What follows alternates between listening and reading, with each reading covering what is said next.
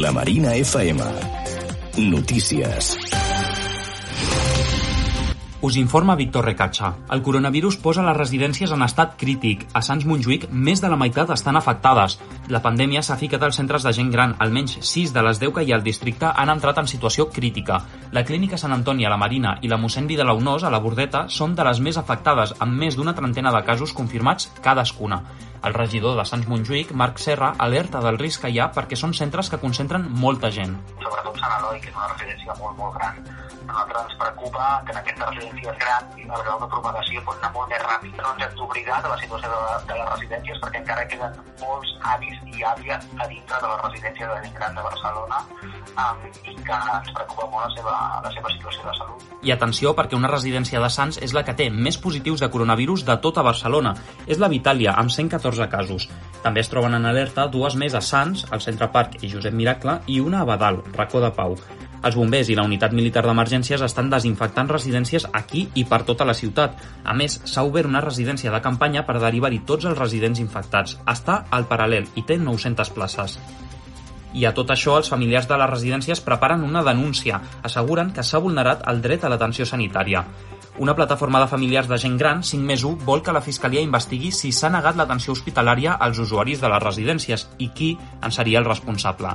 Afirmen que, per exemple, a la mossèn Vidalaunós, de 112 residents, el 87% estan contagiats i que han mort 19 persones.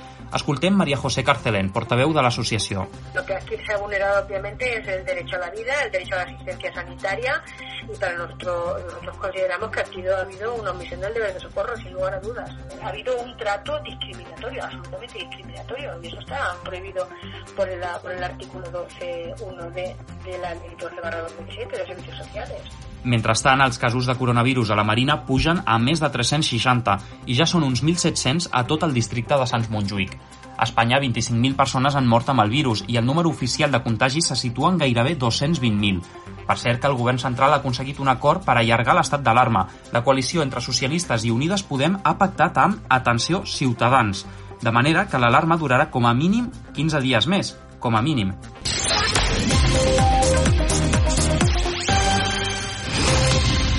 Els treballadors de Nissan van a la vaga indefinida per evitar el tancament de les 5 plantes de Catalunya. La vaga va començar dilluns, el dia que la multinacional volia reiniciar la producció després de l'aturada pel virus. Els sindicats asseguren que el seguiment de la fàbrica de Montcada és del 100%. Era l'objectiu per paralitzar, per falta de subministraments, la de Zona Franca, que s'ha quedat amb només una línia de producció en marxa. L'alcaldessa de Montcada, Laura Campos, ha demanat en un vídeo que l'empresa no es carregui mesos de negociacions. La Covid-19 no pot ser l'excusa perquè es vulnerin els drets de la plantilla de Nissan i des d'aquí volem fer una crida i exigim a l'empresa que torni a seure amb els comitès i que reprengui aquesta negociació del pla de viabilitat i de futur de les plantes que, com deia, ha de garantir el manteniment de milers de llocs de treball. La vaga ha rebut també el suport públic de representants polítics com la diputada de Catalunya en Comú Podem, Yolanda López, i ha reaccionat a Twitter. Toda la fuerza posible y mi apoyo a los y las trabajadoras de Nissan, que hoy han empezado una huelga indefinida dando continuidad a la lucha por el futuro de sus puestos de trabajo. Les protestes s'estan articulant sota el lema i el hashtag Futuro para Nissan ja. És el primer cop des de 1976 que tots els sindicats de l'automobilística s'ajunten per convocar una vaga indefinida. I si ja teniu ganes d'anar a la pelo, després de quasi dos mesos de confinament, moltes han tornat a obrir. Però si pot anar sense problemes, cal prendre mesures? Doncs hem parlat amb els perruquers del barri i la situació és aquesta. És impossible per raons òbvies que no hi hagi contacte entre el perruquer i el client. Per tant, el que estan fent els establiments és extremar les mesures de protecció. La Marina és un barri amb moltes perruqueries, així que almenys els clients estan més repartits. Però les rutines han canviat. L'Olga Ballester, perruquera del barri, ens explica quines mesures estan prenent. Recomendamos que la clienta venga con la mascarilla y los guantes, entonces pues lo, lo normal que cuando entran, pues una vez que han dejado sus cosas en su cestita que les damos, pues ya se pasan al lavado de manos con el gel y ya las, las atendemos altres perruquers, com el Valentín, consideren que el tancament no donarà problemes de facturació perquè seria l'equivalent a unes vacances. Confia en un augment dels ingressos un cop tornem a la nova normalitat. En canvi, a la Lídia Lara, perruquera de la Marina, les vendes li han caigut i no creu que tornin a remuntar. Bajar sí han bajado, claro, sí, más que estábamos tanto tiempo cerrados y la baja pues no es lo que esperábamos. Como te puedes dar cuenta, no es lo que esperábamos. Entonces, pues sí, las ventas sí. Ayer sí hubo un poquito de movimiento, pero ya hoy las ventas han bajado. De todas maneras, la gente le da miedo salir. Les mesures higièniques a les perruqueries ja existien, evidentment. El que passa és que ara s'extremen per reduir el risc de contagi. Després de quasi dos mesos tancades, ara s'han d'adaptar a la incertesa i moltes es pregunten si tindran suficients ingressos per afrontar els propers mesos. Alumnes de l'Institut Domènec i Montaner de la Marina preparen una obra de teatre sobre la bellesa. Escena Pilot és el nom del taller en què participen els alumnes d'ESO i batxillerat del centre. És un projecte impulsat pel Teatre Lliure amb l'Institut Municipal d'Educació. Al taller hi participen dos instituts més, Vila de Gràcia i Barri Besòs. Amb l'ajuda dels professors i diferents professionals, els alumnes de cada institut van crear les seves pròpies escenes. Finalment, es van reunir tots per posar-ho en comú. En Martí Caramdell, professor del Domènec i Montaner, ens parla així de la seva experiència durant aquesta sessió conjunta. Va ser molt emocionant i els, els nanos en, en un parell d'hores ja havien fet molta xarxa amb els, amb els altres, amb els altres instituts. Vull dir que es va veure que hi havia molta química de seguida, no? que funcionava molt bé el tema social entre ells i, i això també ens va animar molt després.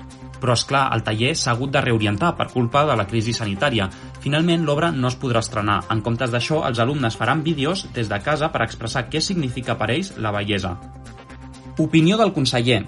Avui, valoració de Ciutadans de la gestió de l'Ajuntament a Sants Montjuïc, amb David Labrador, conseller de districte de la Formació Taronja. En un principi sí que és veritat que tant el govern de Casa Gran com el districte eh, van estar una mica parats perquè, per exemple, nosaltres des de Ciutadans vam presentar un pla de 57 mesures econòmiques, socials, sanitàries, etc. al començament del confinament i realment eh, ho vam fer perquè, perquè el govern no estava gestionant res en aquell moment. Sí que és veritat que després de parlar amb ells començar a fer reunions setmanals amb l'oposició i el govern on ens atenien a les preguntes que fèiem i ens explicava una miqueta les mesures que estaven prenent al districte, que això va estar bé. A part d'això, hem intentat tornar una mica a la normalitat i fer tot telemàticament i llavors aquest dijous n'hi haurà un plenari el dia 7 i estem fent reunions amb el, amb el govern i, i intentar buscar solucions pel districte. Sí que és veritat que a vegades sí que es consensua amb els, amb els partits a la, informa, a la informació i alguna gestió. Altres coses doncs, no estan molt des de Ciutadans reaccionarà els impostos del 2020 als pimes, autònoms i persones i persones físiques que es pot utilitzar els diners de, del pla de contingència, del superàvit i dels diners que té la Generalitat de l'Ajuntament. I als esports, el camp de l'energia es queda sense els gols de Sergio Navarro. Els veïns i veïnes de la Marina aficionats al futbol ja no podran gaudir dels gols del davanter de la UE Sants. El nou de l'equip sanzenc ha publicat un missatge a les xarxes socials dient que deixa el club. El motiu principal que el fa marxar és que el tècnic Tito Locio no compta amb ell per la planificació de la propera temporada. Navarro ha estat el davanter estrella del club sanzenc en les set temporades que hi ha format part. Ha acompanyat la trajectòria d'èxits amb l'ascens a segona catalana, primera catalana i després a tercera divisió. A hores d'ara se sap que el jugador té sobre la taula diverses propostes de diferents equips, però encara és un misteri qui l'acabarà fitxant. És tot per ara. Més notícies al portal lamarina.cat i al nostre Twitter i Instagram, lamarinacat.